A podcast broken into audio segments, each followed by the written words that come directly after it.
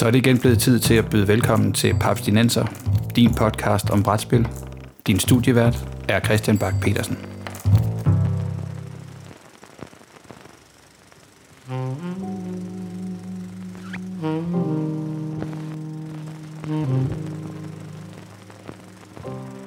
De var tre brætspillere med intet til fælles. Den ene var parat til at gøre hvad som helst for at vinde i Roborally. En anden var til falds, hvis bare plastikminierne var fede, og der var ægte metal.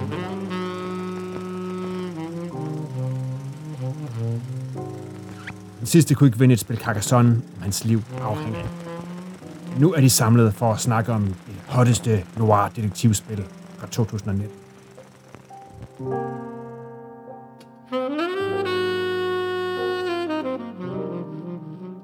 Så velkommen til anden sæson af Papsnenser, en podcast om moderne bræt- og kortspil, præsenteret i samarbejde med Papskubber, hvor du kan finde nyheder, anmeldelser, artikler og anbefalinger til, hvad dit næste brætspil kan være. Mit navn er Christian Bak petersen og med mig til igen at snakke om Detective City of Angels, der har jeg Morten Greis. Halløj. Og Peter Brix. Den her by er ikke stor nok til os alle tre. Eller er det western? Ja, det er vist lidt mere en cowboy, men ja. så...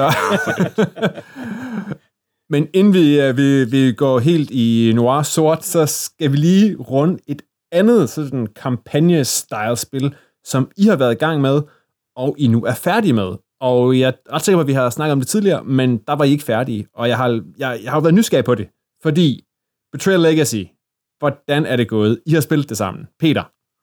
Ja, øhm, det, vi er færdige. Det har været sjovt. Jeg har spillet Betrayal nok for det næste par år, tror jeg. Øh, på en måde, jeg ikke rigtig havde, da jeg var færdig med at spille Pandemic Legacy. Øh, så synes jeg, at det her var lidt mere Betrayal med Betrayal på. Øh, og, og Betrayal klæder det måske ikke at spille 13 gange på sådan lige efter hinanden. Men øh, det, jeg havde det sjovt imens. Øh, og men jeg også er færdig nu. Altså virkelig færdig. og har, I fået, øh, har du fået reddet nogle kort i stykker, eller knust nogle, øh, nogle plastikfigurer, eller øh, makuleret nogle, øh, nogle tiles? Altså, det skulle vi. Morten har gemt dem. Ah, Morten, hvad siger du? ja, jeg har du har haft faktisk... så god en oplevelse, at du har gemt det. jeg har faktisk nyt den her gang, uh, for det så har jeg jo pænt revet alle kort i stykker, hver gang vi har spillet Legacy-spil. Men lige med denne her, der, der valgte vi faktisk at smide dem ned i bunden af kassen og gemme dem væk. Jeg har så aldrig kigget på dem, så jeg har masser af kort, der aldrig blevet set på, og fordi de ikke skulle ses på, men bare kasseres og lignende. Så uh, med en ren nysgerrighed, så blev jeg besluttet for, at jeg godt kunne tænke mig at se, hvordan det her spil brancher ud en eller anden dag. Uh, og derfor ja, valgte jeg at okay. gemme materialerne, uh, hvad jeg ikke har gjort med for eksempel uh, Pandemic Legacy sæson 1 og 2. Okay, men man siger, der er også flere, flere forskellige retninger. Altså man kan sige, Pandemic Legacy, i hvert fald sæson 1, som jeg har spillet, den går ligesom i en retning. Altså, og der kan ske vilde ting undervejs, men det, det, det, det, er, det, det er en vej. Ja. Her der forstemmer jeg, her, jeg kan huske, da I snakkede om det, her der kan historierne på en eller anden måde blive meget mere snirklet og unikke i forhold til, altså i forhold til i Pandemic Legacy, hvor det er, er det det her kontinent, der falder først, og er det, hvor er det, vi må sætte grænserne, og hvad er det for, hvad, hvad for en verdensdel må vi droppe for at, at, at vinde? Så er der mere story på en eller anden måde, det her. Ja, altså, øh, på sin vis er der. Øh, der er mere story i den forstand, at der er flere ting, der kan have konsekvenser, øh, mere diversificerede konsekvenser i forhold til pandemic. Så hvis man vinder eller taber et givet scenarie, så afgør det, hvilke kort vi sider dækket med til senere spil, og hvilke rum, der bliver fjernet, og hvilke, der bliver fået til. Så, så jeg synes netop, at den måde, det, det brancher ud på, øh, brancher i, et mere omfangsrigt system, end, øh, end Pandemic gør det. Um, jeg synes bare ikke, at spillet kommer helt i mål til trods øh, derfor. Nej, okay. Men det er vel også, jeg tænker også, jo mere, jo flere krænkelkrog man vil lave, og jo flere veje og sådan noget, jo sværere bliver det vel også at, at gøre tight. Ja, øh, men jeg tror virkelig, at min, min anke mod spillet ligger et andet sted, fordi Øhm, mange af de legacy-elementer er konsekvenser af valg, vi har bevidst eller ubevidst truffet, men de bliver først håndteret mellem scenarierne, eller som en, en del, når du er færdig med scenariet, så tager man ligesom, okay, gør klar til næste, det vil sige, man sidder og kasserer kort, man får en ny kort til at få at vide, nu må I få kort nummer 117, 137 og 139 til stik, og til gengæld så skal I fjerne kort nummer 177, men det er ikke noget, jeg har aktivt valgt fra, og det er lidt der, hvor, hvad skal jeg sige, så den måler konsekvenserne af ting, vi har gjort, men det er ikke konsekvenser, hvor vi har aktivt været inde og vælge til og fra for at forme de konsekvenser. Og det er der, det bliver okay. lidt skuffende. Ja, fordi du har mindre kontrol med det. At... Ja, lige netop. Ja, og, jeg, og så synes jeg, skal... jeg, så synes jeg spil, spillet bliver meget sådan øh, XY-agtigt, i modsætning til Pandemic Legacy, hvor der, jeg, har, jeg har følelsen af, at i Pandemic Legacy, der er det meget forskelligt, om det lige er Buenos Aires, som der øh, falder og falder hver spil, og ender med at, at være helt, helt på skideren øh, for mig, eller om det har været det for Morten, hvor jeg synes, i Betrayal Legacy, der var det meget, okay, nu er vi færdige med scenariet, så hvis du har gjort X, sker det her, hvis du har gjort Y, sker det her. Det er meget mere sådan, altså, mm. me, mere fast i, des, i, i de ting, der kan ske, hvor at, og, og det tror jeg, fordi de har sat sig ned og skrevet en historie, hvor alle de her ting skal passe ind i, hvor at på en eller anden måde, historien og spillepladen i Pandemic Legacy er mere adskilt. Det er sjovt, at det på en eller anden måde, at, at valgene bliver mere indsnævret, selvom alt det udenom på en eller anden måde er vildere og mere, mere avanceret. Fordi jeg tænker, der er også sådan, hvad, hvad, er det, hvad er det for nogle karakterer, man spiller i, altså i Pandemic Legacy, der er du, der er du rimelig generic folk, og du skifter undervejs. Gør man også det? Det kan jeg faktisk ikke huske. Gør man også det i... i... Oh, man følger jo i virkeligheden slægter, så hver altså, Det er rigtigt, det er slægter. Ja, så man spiller en ny, øh, hvad skal jeg sige, man hopper en generation frem mellem hvert spil, og så kan man så vælge at sige, hvis din karakter overlevede, så kan du prøve at fremskrive med det antal år og sige, at man kan vide, om den her 27-årige karakter er spillet, må ikke også, at han kan fortsætte sine eventyr som 63-årig i det næste. Det kan, og, og så, så spiller man videre på den måde, eller man siger, okay, jamen den 27-årige, han fik nogle børn, og så spiller jeg hende, der er hans datter, og, og fortsætter så med, den, øh, med hende i det næste spil. Så så man har mere den der sex-ting der, og så, så er der selvfølgelig nogle inter- et interessant skift eller to, men det hører ind under spoiler-territoriet, og det nænder jeg okay. ikke at afsløre her. Fedt nok. Nå, men så på en skala fra Pandemic Legacy sæson 1 til Seafall, hvor, øh, hvor godt er... hvor godt er... Oh, ja, altså modsætning til Seafall, som vi jo ikke fik spillet færdig, øh, og jeg, hvor jeg faktisk åbnede alt for at kigge på komponenter og kunne konstatere, det var nogle fascinerende ting, der fandt sted i det spil, så synes jeg alligevel, at Betrayal fungerede øh, okay. Um, så, så, så halvvejs mellem sæson 1 og Seafall vil jeg nok placere den. Okay, hvad er dig, Peter? Øh, jeg har jo ikke engang tur åbne mit Seafall, øh, så, så der er jeg nok lidt højere op end Morten på den skala. Okay. altså som sagt, jeg havde det sjovt, mens jeg spillede det, mm. men, men Øh, jeg føler, at der var jeg føler, at der var ting, der ikke fungerede, og jeg føler, at jeg har spillet rigtig meget Betrayal. Ja. Øhm, altså, og så, så, så glæder jeg til, at vi skal snakke Clank Legacy en dag, fordi der kan jeg virkelig oh, yeah. øh, være vred. spændende, spændende. Og et spil, jeg hygger mig rigtig meget med. Ja. ja, for jeg ser jo frem til, at vi skal snakke uh, Betrayal House on the Hill Scooby-Doo Edition. Det glæder jeg mig også til. At, at, nu jeg kan love mig for, at det er day one purchase. Altså. ja, jeg er meget spændt. Uh, også fordi den virker til, at den volumemæssigt bliver mindre end uh, det almindelige mm. Betrayal. Så jeg er sådan lidt, hmm, skærer de i den, eller hvad gør de? Altså, er der færre scenarier, eller hvad, hvorfor lader den til at være en mindre end? Men det, ja, det vil vise sig. Altså lige nu... Så, men lige nu, i mit hoved giver det mere mening end Baldur's Gate. Ja, absolut. Altså, jeg kan, altså, jeg synes, at Scooby-Doo, synes jeg, er den naturlige uh, IP-udgave af Betrayal, faktisk. At det, jeg synes, det er fuldstændig oplagt, at man, man laver det reskin. Altså, jeg ved ikke, om lytter... Og, twist.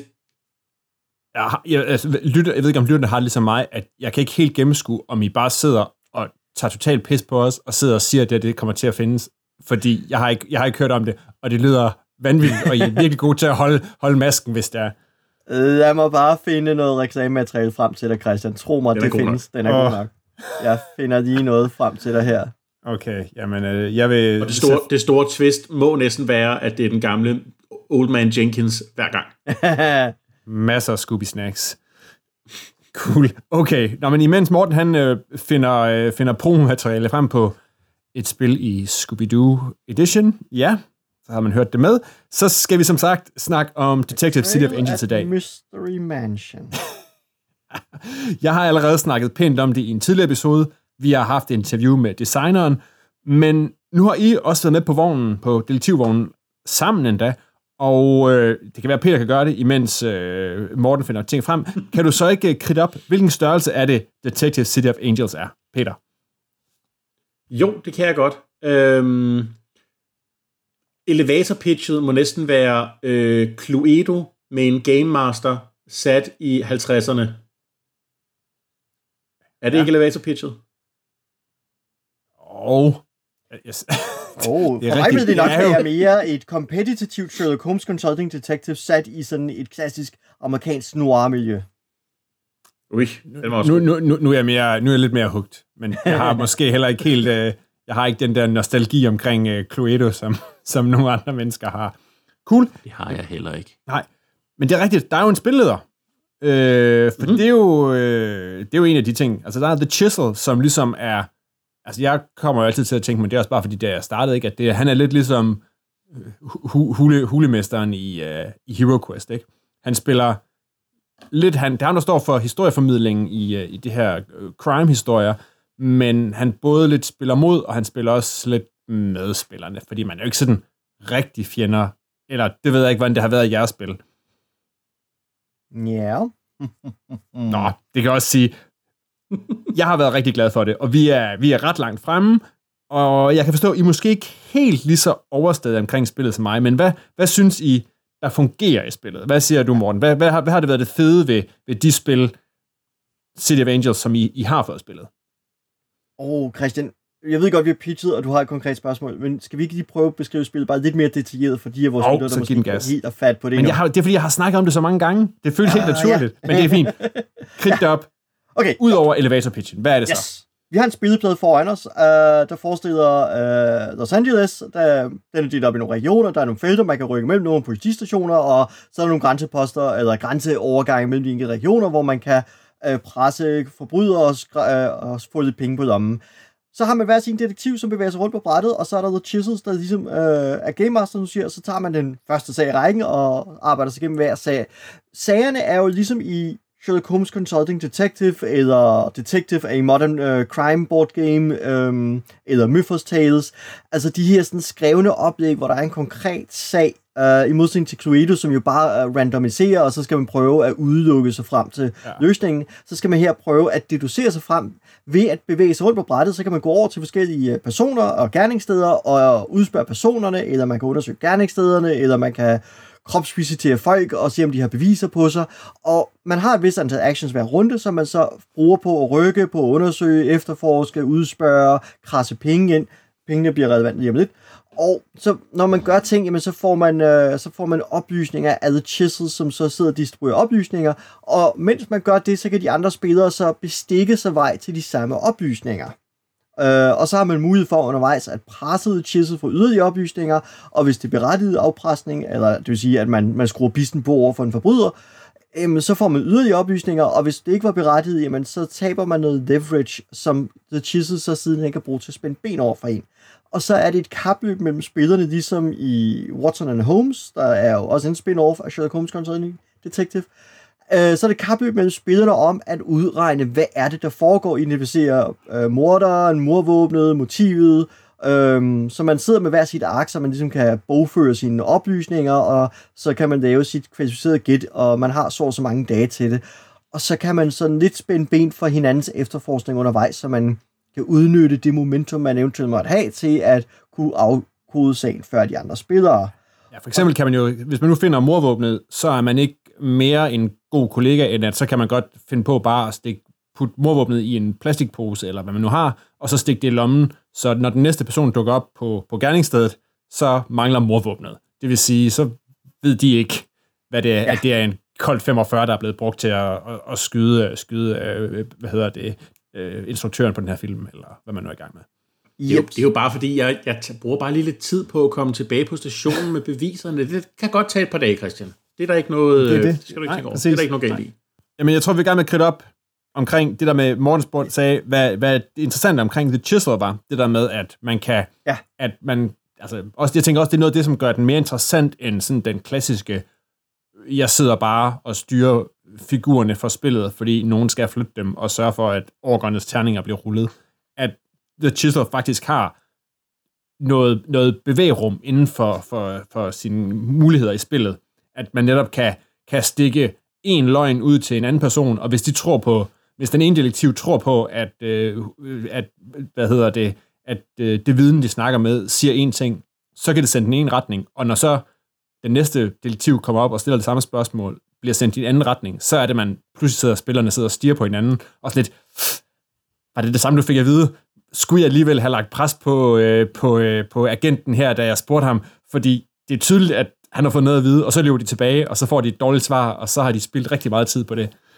Øh, at der er det sjovt at sidde og se det der spil, der både kommer mellem, mellem forskellige detektiver, men også mellem Chislen, at man kan, at man kan faktisk sidde og penge, og også bare sådan noget med, at der, der kommer også noget, noget dynamik ind i, når man skal sidde der og aflevere de her svar. De kommer på sådan nogle små, ret elegante kort, hvor man, der står en masse svar for de forskellige karakterer, alt efter nogle ting, de bliver spurgt om, og så langer man, så putter man det ind i sådan en lille, ja, det er sådan en konvolut eller en lille folder, hvor man kun kan se et af svarene. Og det er så det, som bipersonen fortæller spilleren. Og så kan man sige, ah, jeg tror på det, eller jeg tror ikke på det. Og så er det, fik, kan som sagt, hvis det så er rigtigt, så får The Chisel noget, noget leverage over spilleren. Og hvis det andet er rigtigt, så skal The Chisel give spilleren det, det rigtige svar. Men det der dynamik med, at man aldrig ved, om man får det rigtige svar, den synes jeg er fed. Ja. Ja. Ja, Helt det bestemt. synes jeg også, den er i- på Ja. papiret. okay, det lyder som om, vi har nogle Ja, kritikpunkter. det gør det nemlig. Og skal vi, skal vi få det ud af verden? Hvorfor elsker I ikke det her spil helt så meget, som jeg gør? Uh, jeg tror, den først og fremmest er, fordi vi spillede det fem spillere, altså en chisel og fire Ja. ja. detektiver. Og det betyder, at du nogle gange sidder et kvarter og venter på, at det er din tur igen. Og hvis du ikke har nogen penge, og det kan du meget nemt løbe tør for, så kan du ikke interagere i andre spillers tur. Så sidder du bare og venter og prøver at se, om du kan aflæse bare et eller andet kropssprog på en spiller, i håbet om, at du kan bruge en eller anden oplysning. Men det er virkelig bare at sidde, nå, jamen jeg venter lige et kvarter på, at det bliver min tur igen. Og skal vi lige... Skal, Og, og, og det er det, altså efter, efter 10 minutter, så er det så kampen om ikke at kigge på sin mobiltelefon. Den er eddermame ved at være svær. Okay. Skal vi lige uh, kridte af og sige, at jeg generelt har spillet det med, med tre spillere, det vil sige to detektiver og en chisel. Så det kan jo allerede der have noget at gøre med, mm. hvorfor jeg, jeg har haft en, ja. Ja. uh, en, en vildere oplevelse. Lige præcis. Jamen, det, det, det tror jeg bestemt, og jeg kan også godt se, at spillet gør rigtig mange gode ting, men, men blandt andet synes jeg, det var problematisk, at vi sad og ventede øh, rigtig lang tid på at få vores tur. Ja. Fordi at hvis jeg sammenligner med den, det andet spil, der virkelig er sammenlignet med, ikke? Altså, det er jo Watson and Holmes, som har meget det samme koncept. Uh, vi er konkurrerende detektiver, vi skaffer oplysninger, hver sag går rundt og videre. Men i Watson and Holmes, som ikke har en chisset karakter eller en funktion, der vælger hver spiller en lokation, og så undersøger de lokationen for ledetråde, og tager deres egne noter. Men det vil sige, der foregår en masse simultant. Så selvom vi sidder fire eller fem spillere, så sidder jeg ikke og venter på de andre spillers tur, for jeg sidder og har min egen tur imens. Okay. Mm. Uh, og det synes jeg løste, uh, eller hvad skal jeg sige, for en større gruppe af spillere, så synes jeg netop, at Watson Holmes bliver et bedre spil, fordi at jeg skal ikke sidde og vente på, at fire andre spillere har deres tur. Jeg har tur nu.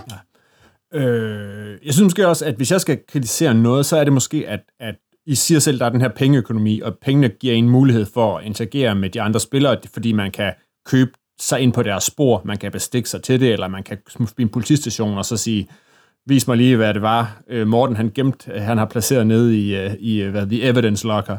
Øh, men at for at samle de spor, eller for at få de penge, så skal man bruge sine actions, og actions er, altså, man har virkelig få af dem, fordi man skal også rejse fra den ene ende af Los Angeles til den anden, og man har fire actions i en tur, og hvis man skal fra den ene ende af byen til den anden, så koster det tre actions, det vil sige, så kan du komme, og du rejser. Du fra den ene ende af byen til den anden, og stiller et spørgsmål, og det var din tur. Så det der med at transport, for eksempel også, det er virkelig en kedelig måde at bruge sine actions på, men det er også tvingende nødvendigt, fordi at forskellige bipersoner er i forskellige områder, og forskellige gerningssteder ligger på det ene eller andet, så man kan ikke bare, man kan ikke bare lave det fede, og man kan ikke bare, jo, man kan godt bruge ret lang tid på at udspørge en person, men du skal ud og rejse, og det koster actions, og det stjæler fra ja. Det sjove, siger jeg lige sådan. Jeg er enig, fordi at, øh, det tror jeg netop også er for mig et, et kritik på. Jeg tror også, at hvis det her spil bliver revideret, eller hvis det kommer hen på et større designstudie, så er det sådan en ting, der vil blive fjernet under øh, en sidste redesignrunde, øh, før udgiverne vil kaste ud på markedet, hvis det nu var Asmodee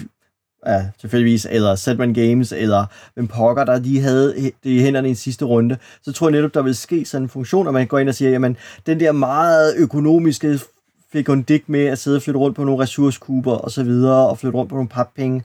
Det er ikke der, det sjove i spillet er. Det sjove er ikke at sidde til træk. Det sjove er at sidde og indhente oplysninger og finde ud af, hvor skal man presse, hvad skal man bruge de oplysninger til. Kan jeg lokke nogle spillere på afveje ved at give dem et indtryk af, at jeg har fundet de helt rigtige ledetråde. At, at det, det sjove er ikke det der med at sidde og håndtere sin turøkonomi, men at gøre detektivtingene af spillet. Men nu har I, I har fået spillet to ture, og, øh, eller to runder, Ja. de to første. Altså, de kommer, og scenarierne bliver ligesom kridtet op, så de kommer, de bliver spillet, så man ligesom spiller sig ind i det, så der er færre bipersoner, og cases er måske lidt nemmere at gå til, og så bliver de sværere og sværere i takt med, at man spiller sig ind i spillet. Mm. Det giver jo fin mening. Men I har så spillet de to første. Hvad tænker I omkring ja. de historier, I nåede frem til? Fordi jeg kan ret, ret godt lide stemningen. Nu har jeg inden, inden vi gik på her, så fik jeg jo forklaret, at jeg el- knus elsker jo, øh, hvad hedder det, James Elroy, jeg knus elsker Gensel og filmen, og, og stemningen er jo meget deraf, og sådan, det er sådan den der noir øh, 40-50'er detektivstemning. Og det der med, at man spiller nogle karakterer, der er så meget assholes, at de bestikker og stjæler og øh, rykker folk rundt. Den del synes jeg er fed. Uh, altså, jeg synes, at de par sager, vi har kigget på, um, det er ikke, hvad skal jeg sige, Sherlock Holmes øh, uh, kringlighed, som vi, vi har det i Consulting Detective, som er virkelig sjov, fordi Sherlock Holmes sager, det ligger ligesom i aftalen, de her de kringlede. Det her, det er mere sager, hvor følelser spiller en rolle, ikke? Altså, på kriminalitet spiller en rolle. Så så det, og det synes jeg er sjovt, fordi at det vil sige, at de folk, man går ud og stiller spørgsmål omkring, nogle gange, så, så handler det jo mere om, om kærlighed og jalousi, end det handler om, om over, øh, overtænkte, dybt planlagte mor. Og det synes jeg er en god ting, fordi det gør, at man, man igen skal ind og tænke lidt kreativt for at finde ud af, hvad er det her foregår, ikke? Der er jo ikke noget sted i spillet, man får svaret. Man, kan ikke, man går jo ikke rundt på det her bræt for at sige, hvis jeg lander på det rigtige felt, får jeg det korrekte svar. Man får bare brudstykker af et billede, og så er det, at de sidste par brækker i puslespillet skal man selv fylde ud mentalt, så at sige, for at kunne have svaret. Ja, og der, der vil jeg sige, der er jeg jo særlig glad for det der med, at der er nogle af tingene, som sådan er helt lavpraktiske. Man kan skal krydse af på sin seddel til sidst og sige, jeg tror, våbnet var... Ja.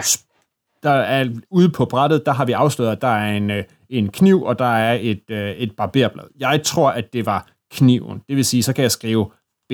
Og jeg tror, det var den her af de personer, altså gerningsmanden eller kvinden, er altid at finde blandt de personer, man har mødt. Det vil sige, jeg tror, det var person, jeg tror, det var person nummer C, der gjorde det. Men så er der også det der med, at man skal også ramme motivet. Og det er ikke sådan, jo, men det, det kan man kun få frem ved at, at sjusse sig ind på, hvad folk har sagt. Og, og der skal man selv plotte historien mere sammen i sin hoved, eller sit hoved, for der kan man netop ikke gå Cluedo og sige, nu må vi fjerne alt andet, så må det være, det må helt sikkert være jalousi, fordi Øh, og der synes jeg, at der, der får det sådan den der lidt mere historiendrevne med, at vi også har, man har noget at, at skulle sige, og det betyder noget, hvad man selv gætter sig frem på, og man kan sidde og sige, jeg troede, at det var fordi, at hun gjorde det her bagefter. Og så kommer det helt praktiske, det der med, ja, og det var med øksen, og det var i køkkenet, at vi slog Dr. Lucky ihjel. Men altså, at, at der, der skal også tænkes kreativt i det på en eller anden måde.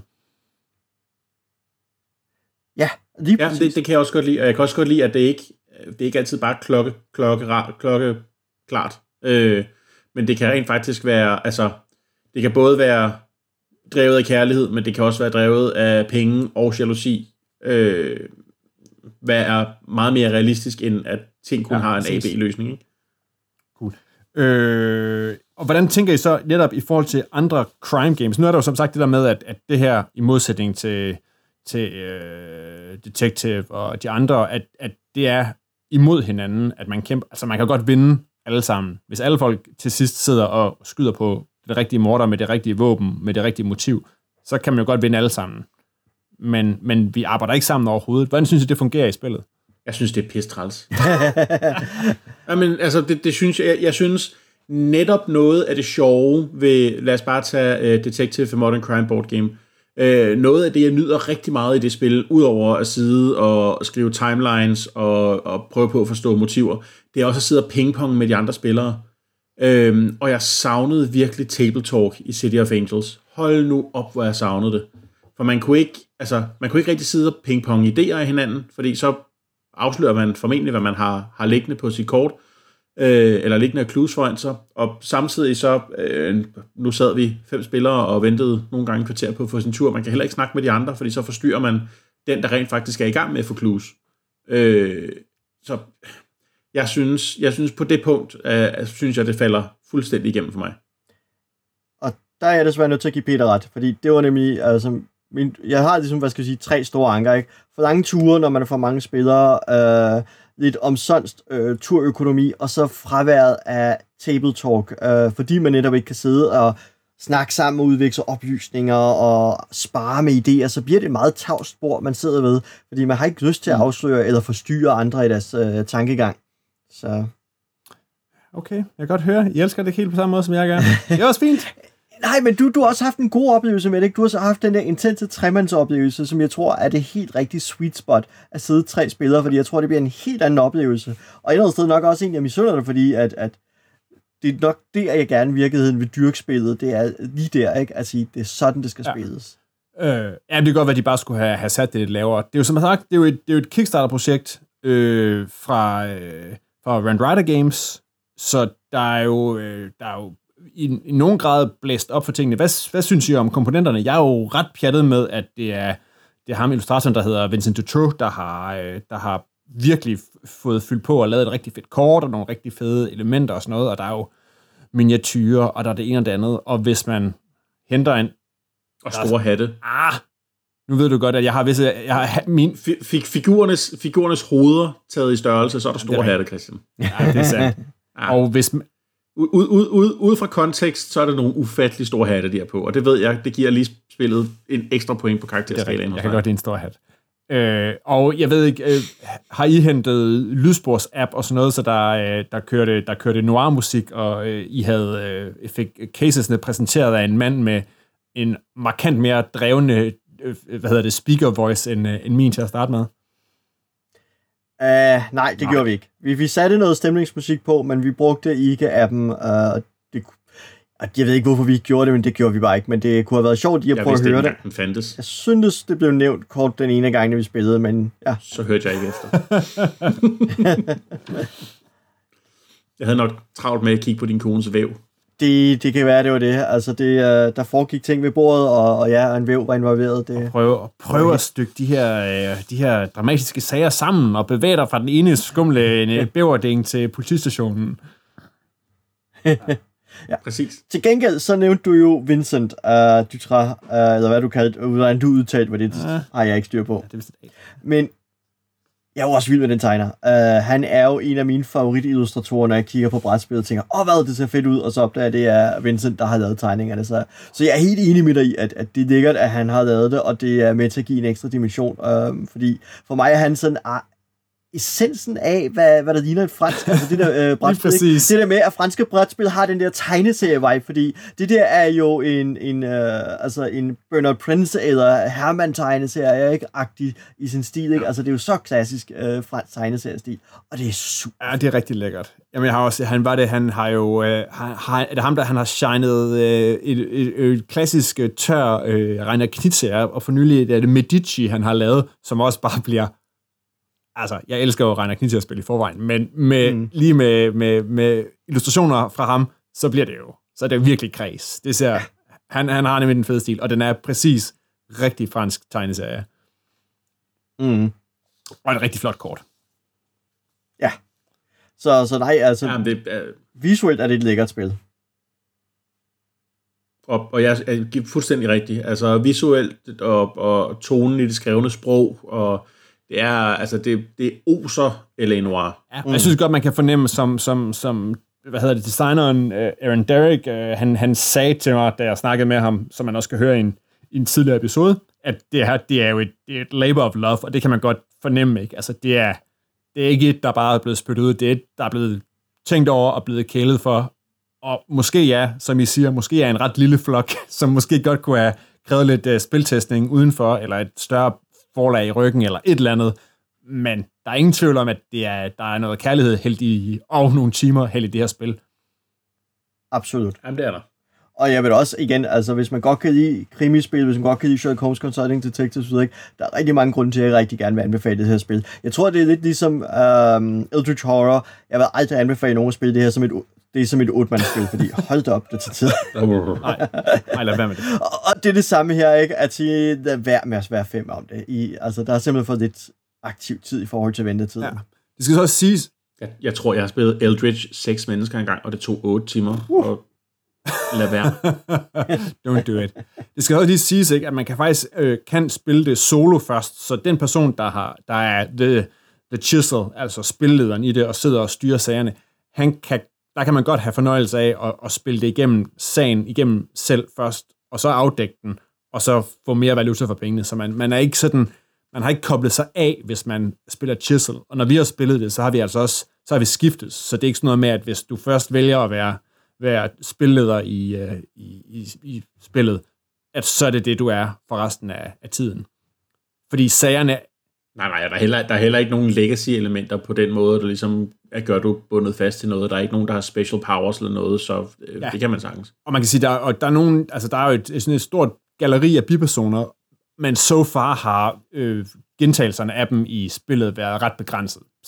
Hvilket jeg faktisk egentlig tænker godt kunne være de ting, man kunne udvikle. Altså, det er sjovt at komme tilbage til den samme gangsterboss, og så shake him down for noget andet, eller så har brug for ham som, som, som snitch eller spor eller andet. Men det det er, ikke, det er ikke så udviklet, i hvert fald noget i de cases, vi har spillet indtil videre.